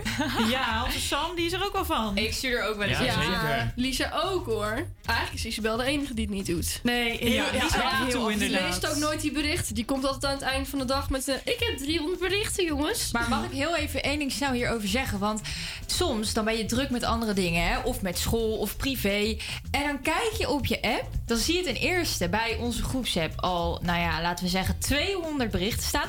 En dan zijn het ook nog 100 spraakmemo's Ja, dat ga ik niet luisteren. Ja, sorry, maar dan vraag ik gewoon om een samenvatting. Ja. daar zijn we wel, wel schuldig aan, Brindy. Ja, en dat gaat eigenlijk ook niet altijd over iets. Gewoon, eh, ja. Niks, het gaat over niks. Nou, en dat gaat het hey, nu ook. We praten te lang over de spraakmemo's. Vraag 4. Wie is de pittige tante van deze groep? Eh, en dat vraag ik aan Sam. Britney. En dat is goed. Ja. Echt? Ja. Ik dacht echt Loes. Nee, pittig Nee. is wel het goede woord. Ehm, ja, ook zo iemand is natuurlijk leuk om erbij te hebben. Maar het is inderdaad, ik vond het moeilijk. Het was Loes of Britney, maar Nou, weet je nog die keer dat ik die bedjes kwijt was in dat techniekding? nou, die blik die je toen naar me gaf, nou... Ja, Echt, ze ik durfde wel niks met, meer te zeggen, die eh, hele uitzending. Ze kan wel boos kijken. Nee. Ja, als blikken konden doden, dan waren we er allemaal niet meer Nee, geweest. dat is dan lagen wij onder de grond, denk ik. Ik mag mezelf even indekken. Nou, ben oh. soms een beetje bot bedoeld, niet altijd. Nee, dat weet Het is ik ook wel. wel weer leuk. Ik vind die wel heel lief. Het is goed bedoeld. Nou, en dan de laatste vraag. Aan jou is de beurt, Loes.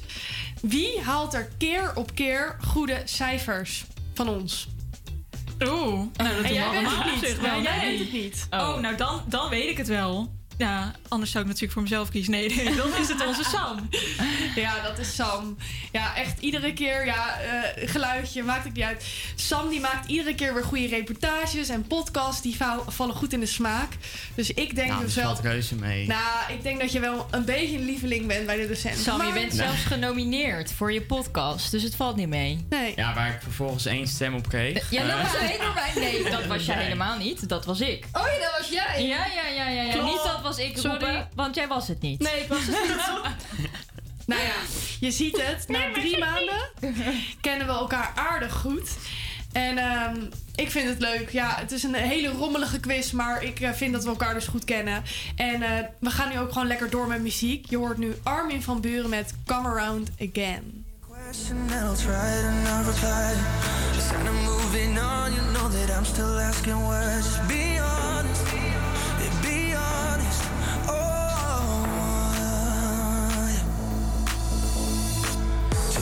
temptation coming even when you lie.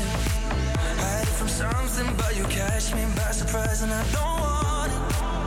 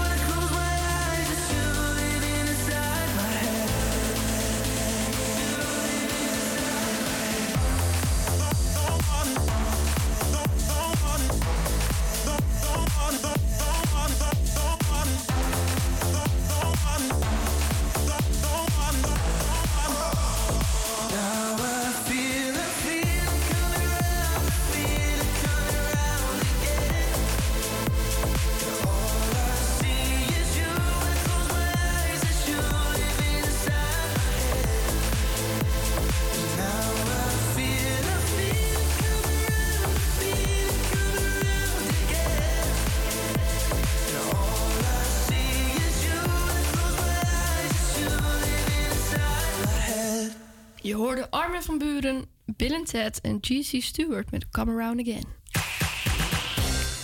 Ja, afgelopen tijd hebben we heel wat reportages moeten maken, maar dat ging natuurlijk niet altijd even goed. We zijn jong, houden van een feestje en ja, dan kan het nog wel eens voorkomen dat je je niet zo goed voorbereidt. Afgelopen Koningsdag overkwam dat bij jou, hè, Loes? Ja. Ja, ik wil het er niet meer over nee. hebben. Gaan we toch We gaan het er nu? toch over hebben. Ja, ja Loes eh, had het een beetje te gezellig. Dus laten we even luisteren hoe dat eh waar aan toe ging. Ja, jongens, sorry.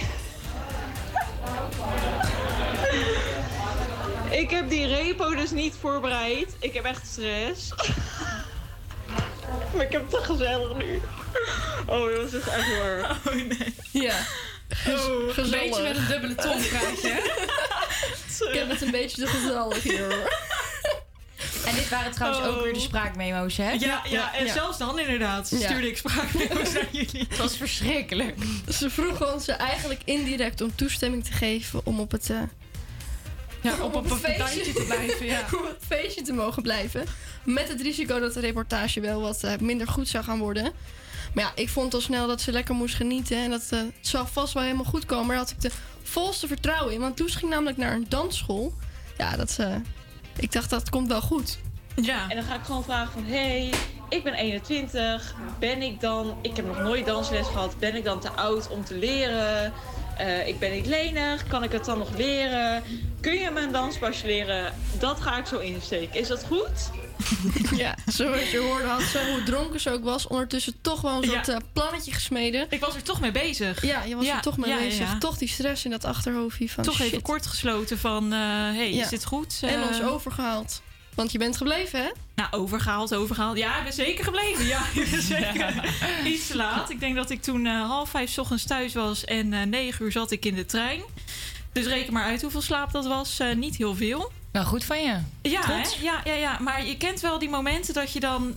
Dan ga je eigenlijk dronken slapen. Of nou, aangeschoten ga je dan slapen. En dan sta je op en dan denk je nog steeds... Oeh, Oeh, dus zo ging jij ook naar dat lesje Ja, toe? dan heb je nog steeds een beetje die alcohol. in Ja, dat. In dit geval misschien best handig, want alcohol versoepelt toch. Versoe, zo, ver- Ja, dan ga je versoepelt. wat, eh, wat losser met die heupjes. Nou, misschien wel. Maar eh, het was een ingewikkeld dansje, moet eh, kan ik je zeggen. De paro... Moet je me even helpen? Paro... eh Oh, Parabouré. pa- Parabouré. Ik ben niet zo goed in die... eh, ja, ja, die leerde ik dus. En eh, ja, dat ging er ongeveer zo aan toe. Achter, achter. Ik ben hem even kwijt hoor. Ja, je doet het echt super goed, zeker weten. Voor de eerste keer, ik zei het al, die paardenboerderij is toch wel een uitdaging hoor. Ja, dat is wel, eh, Dat leer je niet een kindje van drie jaar oud. Nee, hartstikke goed. Super. Nou, super. Ja, dus eh, je ziet wel potentie in, eh, in de danscarrière misschien wel voor mij. Ja, danscarrière weet ik niet, maar met ons meedoen kan altijd. Oké, nou, moet nog even oefenen, dus... Nou, je hoort het. Dat ik er de volste vertrouwen in had, was niet eh, geheel onterecht.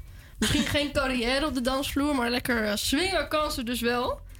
En eh, weet je dat dansje eigenlijk nog een beetje wat je had geleerd, Loes? Nou, het zit er toch al niet meer, eh, niet meer in hoor, denk ik. Nee, nee, nee. Nou, dat is dan wel jammer, anders had je het even moeten doen hoor. Ja, ja dan, we gaan hem even oefenen tijdens het volgende... volgende Laten het we dat gaan nummer. doen. Dat gaan we doen. Want eh, hier is namelijk Davina Michel met No eh, Angel. I used to like her, she got hyped though. Oh God, there we go. Too much makeup, too much ego. You say so, you look chances. What some said, honey, thank you, I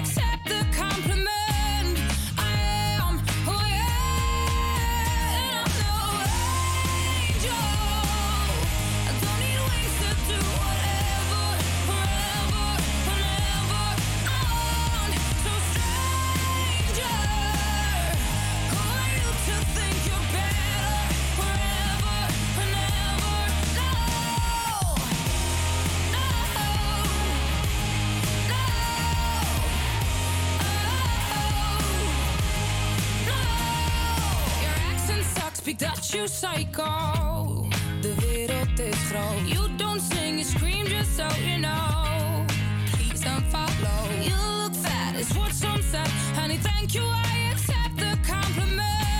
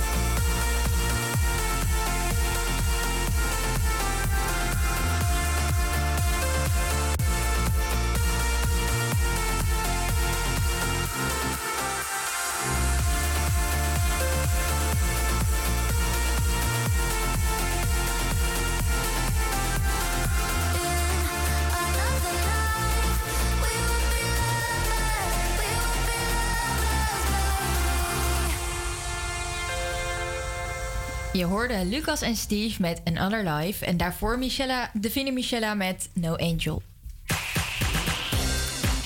Ja, en om deze uitzending zo even af te sluiten. Ja, ik gaf natuurlijk al aan in de intro dat we eh, verhalen hebben waar we om hebben moeten lachen. Eh, soms op het moment zelf en soms achteraf. En eh, ja, ik heb een reportage gemaakt over het zogenaamde Bananenmuseum in Amsterdam Zuid. Nou, ik was helemaal enthousiast. Ik kon geen, eh, geen reportageonderwerp vinden. En ik wilde het doen over iets met kunst en cultuur. Nou ja, Rijksmuseum benaderd. Allemaal veel te groot en te druk. En nou, noem het allemaal maar op. Toen kwam ik bij het Bananenmuseum. En ik dacht, dit is hem. Wat leuk. En die mensen reageerden ook meteen van... ja, we willen met je meewerken. Ehm, dus je kan daar daarin komen voor de reportage. Nou, en ik vond het mailcontact soms al een beetje ja, aan de aparte kant. En ik kreeg heel veel mailtjes. En eh, daarna kreeg ik echt een keertje om acht uur s avonds een mailtje van... Nou ja, Lisa, je weet wel dat het enigszins een beetje een grapje is. En eh, noem het maar op. Dus ik dacht, nou, we gaan er gewoon goed, volle moed gaan we erin. Dus ik wel Britney eh, gevraagd om met me mee te gaan. Want ik denk, ja, je weet het maar nooit. Ik ga er dan toch maar met mijn eentje naartoe. En nou ja, dat is ook een beetje dom van mezelf. Ik had het last minute pas opgezocht. Ja, hoe op Google Maps, hoe dat adres er nou uitzag. Was het dus gewoon een woning. Maar goed, we gaan er gewoon naartoe. Britney eh, met me mee. En eh, we komen daar. Nogmaals, het was in Amsterdam Zuid. Gewoon aan een super drukke weg. Weet jij de straatnaam nog? Rijn, was het Rijnstraat? Ja, Rijnstraat volgens mij. En wij komen daar. We lopen naar de voordeur. Ligt er om te beginnen een banaan. Voor de voordeur. Gewoon één de banaan. deurbad.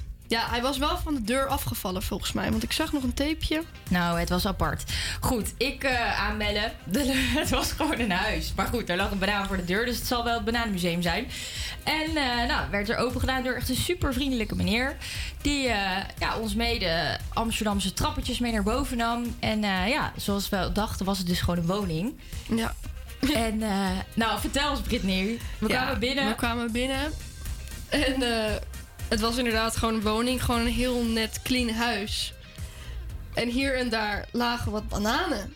Op de muur geplakt bananen. Op de muur geplakt. Het kunstwerk nagemaakt van dat banaantje met de tapie.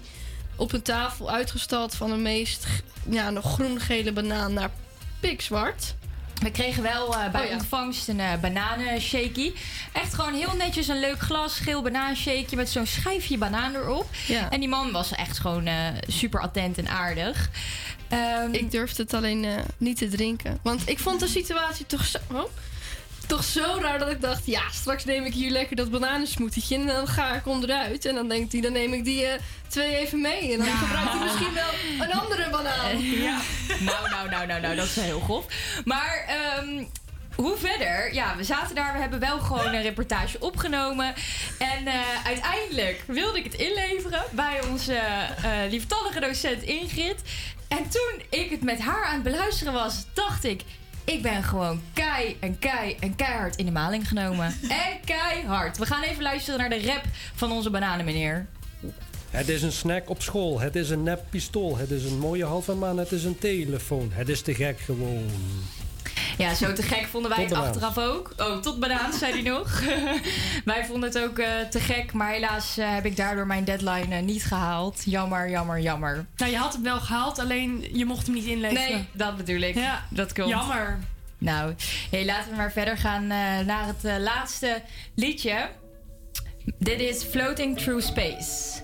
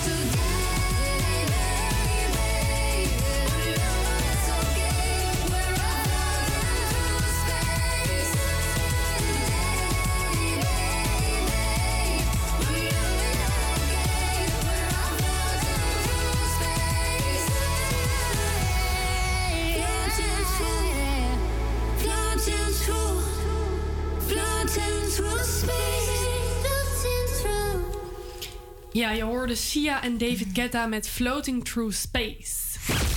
De week uit in Zuid. Ja, en dat was de laatste keer dat we mijn stem hier hebben gehoord, hè? De Ja, week uit in hebben Zuid. we wel verteld dat jij dat hebt ingezongen? Ja, met autotune of zonder? Ik weet het ook Ja. niet meer. Ja, wij- moeten we het echte verhaal vertellen? Ja, Of, eh? of je doet hem even zingen en dan kunnen we zelf bepalen Ja. of het zo Ja, was. ja, inderdaad. Ja. Drie, twee, ik ga dit één. zingen. Oh. De week uit in Zuid. Nou, Klinkt Nou, wel. je hoort Ging het, goed. mensen. Ik heb geoefend. Ik heb geoefend. Dat was wel leuk toen trouwens. Ja. Helemaal ja, daar kunnen we ook eh, nog even... Nee, ja. zelf ingezongen. Dat was ook heel leuk. Want wat je nu ook op de achtergrond hoort... hebben we dat al een keer gezegd? Nou ja, misschien voor de nieuwe luisteraars. Dat hebben wij dus zelf gemaakt. Dat was ook Sam met de tamboerijn. Of, eh, Sam op de tambo. Ja, Sam op de tambo. Ja. Sambo op de tambo. Oh, hè? Sambo op de tambo. we Ja, hebben Ik moet zoveel leuke dingen zeggen. gedaan. Ja. Ja, Wat- maar het zit er dus gewoon op. ja, en Sam, hoe voel je erbij dat, het, eh, dat het erop zit? Ja, Ik vind het eigenlijk best wel jammer, want zo dat maken van die uitzendingen, het is wel echt leuk om echt zo'n kijkje in de keuken te hebben van hoe het er achter de schermen uitziet. Het was voor mij ook niet in eerste instantie dat ik deze mijne zou doen, want hij was vol. En toen kreeg ik een paar weken van tevoren een berichtje van ja, je mag er toch in. Ja. Dus ik heb, ja, ik heb dit gewoon altijd heel leuk gevonden en gewoon echt als een soort van eh, cadeautje gezien. Ja, Nou. Loes, ik zeg het toch? als een cadeautje. Ehm, ja, dus ik heb daar heel veel erg van genoten. En wij zijn dan ook eigenlijk wel geluksvogels. Want eh, anders hadden we Sam niet in de groep. Dus toch wel even anders, hè? Ja. Zeker. Dat is een hele andere show geweest. Ja, ik denk het ook. Ja. En eh, Lisa, hoe voel jij je erbij dat het gaat stoppen? Ja, super jammer natuurlijk. Ik heb echt genoten van alle uitzendingen. Eh, keer op keer.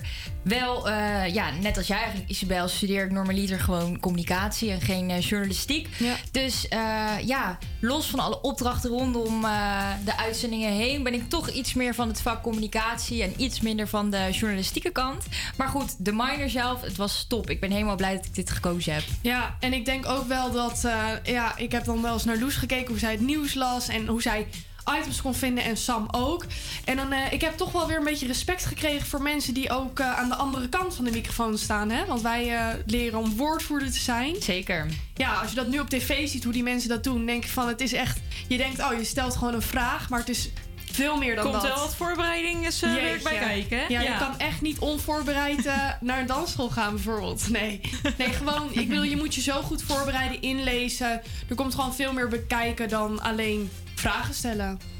En Brittany, jij eh, zit eh, iets anders te doen of eh, ben je daar helemaal klaar mee? Nou, ik zit nog even het draaiboek aan te passen. Want er is iemand vandaag weer heel grappig die dat allemaal zit te veranderen. Dus ik heb weer even mijn tekstje aangescherpt. Want anders kom ik er straks niet uit. Nou. Maar dus ik ben niet met iets anders bezig. Maar ik was even vooruit aan het blikken. Ehm, ja, afgelopen tijd. Ja, ik vond het heel leuk. Ik, ik vind, ja, nu wordt het een lege vrijdag de komende tijd. Dat is wel gek. Het gaat gek zijn, hè? Ja, ik vind het jammer. Ik vond het echt heel gezellig. En eh, ik denk dat we... Ja, ik heb hier wel een hoop geleerd. Dus... eh, Ik denk dat mijn telefoon ook al even wat rustiger aan gaat voelen. Oh. Die appjes. Ja, zeker. Ik denk dat ik me gewoon een beetje eenzaam voel. Nou, er niet zijn nog wel wat opdrachten hè, die we moeten Oh, ja. doen. Dus, ja, eh, en ik vind hem sowieso eigenlijk wel eh, houden. Want af en toe ben je gewoon... Heb je geen ideeën meer. En dan zijn daar altijd Sam en Loes die, die dan denken... Nou, Je moet hier dit kan of je dat misschien doen. nog wat mee. ja. En over Loes gesproken, wat vond jij er eigenlijk van, Loes? Want wij hebben jou nog helemaal niet gehoord hierover. Nee. Ja, ik, eh, wat kan ik er eigenlijk nog aan toevoegen? Ik vond het heel leuk. Ik heb het heel naar mijn zin gehad. Ik wist hiervoor al dat ik wel eh, een beetje de radiokant misschien op wilde. En dat is, eh, ja, ik heb alleen maar eh, nog meer de smaak eh, te pakken gekregen door deze miner. Nou, mooi toch? Je Ja. wel ook, je eh, passie gevonden. Gaat ook niet stoppen, toch? Met radio maken? Nee, nee, het, eh, ik zet het door. Wat ga je doen? Dus eh, ik eh, ga stage lopen bij eh, Adres Onbekend. Nou, ik denk niet, eh, ik weet niet, eh, bij jullie ging er in ieder geval geen lichtje branden. Het is voor vertelde. mensen onbekend. Ja, inderdaad. Onbekend. Slechte woordgrap. Het is een radioprogramma op Radio 5 eh, bij de KRO NCRW. Dus daar ben ik vanaf september te vinden. Nou, superleuk. En wie weet horen we je nog echt een keertje als je me even mag meepraten.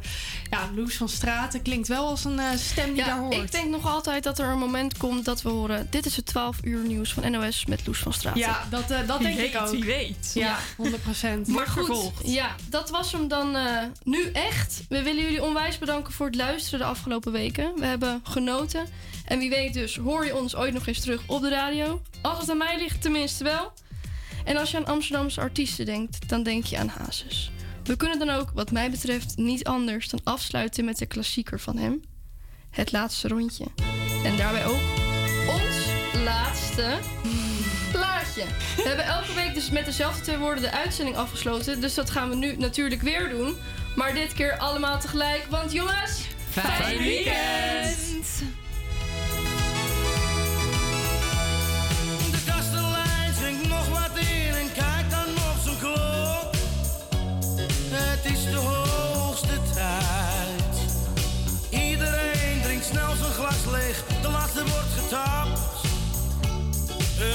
box die plots zwijgt. Het is de hoogste tijd